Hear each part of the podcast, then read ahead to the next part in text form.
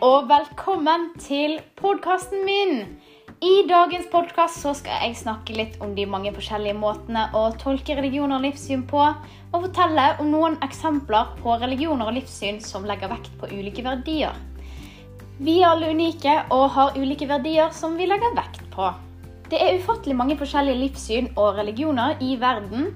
Det er mange måter å tolke de på, men for noen så betyr dette livet.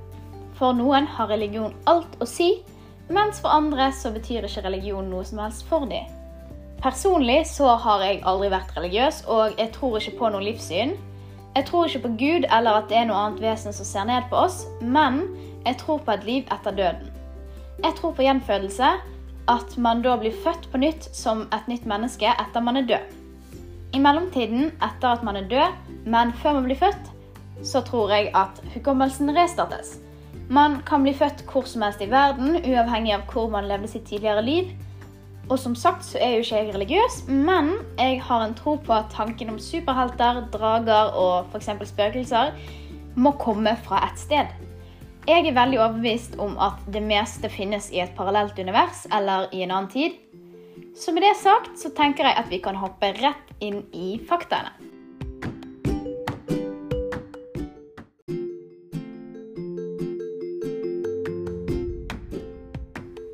Mange i denne verden har en tro som de følger gjennom hele livet.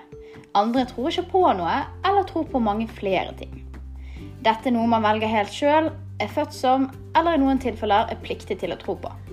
Man kan være rettroende, litt troende og ikke troende i det hele tatt. Man står egentlig ganske så fritt nå i 2020.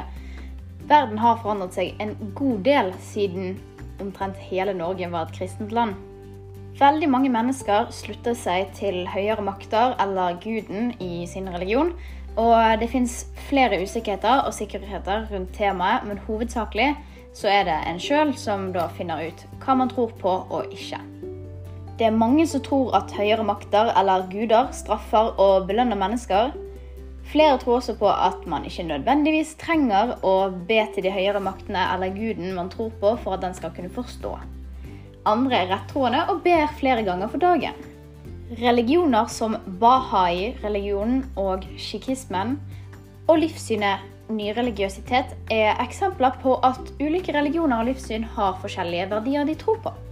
Vi kan starte med bahai-religionen, der de tror på enhet mellom alle mennesker og enhet mellom alle religioner med én gud, men at det er forskjellige bringere som har brakt informasjonen til jorden til ulike steder og tider.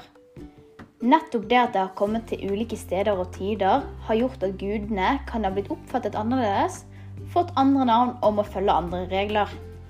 De tror at det til alle tider har vært én religion, og at dette har vært Guds religion. Grunnlageren av sjikhismen han mente derimot at familielivet, det var veien til Gud. Og at dette var den viktigste verdien. I gudshuset deres, Gurdvaraen, er de hellige skriftene plassert på en fremtredende plass i rommet hvor alle kan lese fra dem. De har altså ikke noe prest, leder eller overhode i religion. Nyreligiøsitet det brukes som en samlebetegnelse for alle de nye religiøse retningene som har oppstått i løpet av de siste 100 årene. Det er altså ikke én stor religion, men tanker og ideer som har utviklet seg i forskjellige retninger. Eh, disse ulike retningene har veldig mange fellestrekk, men de er også ulike på hver sin måte. Hver enkelt troende kan tro slik de ønsker og følge det de vil.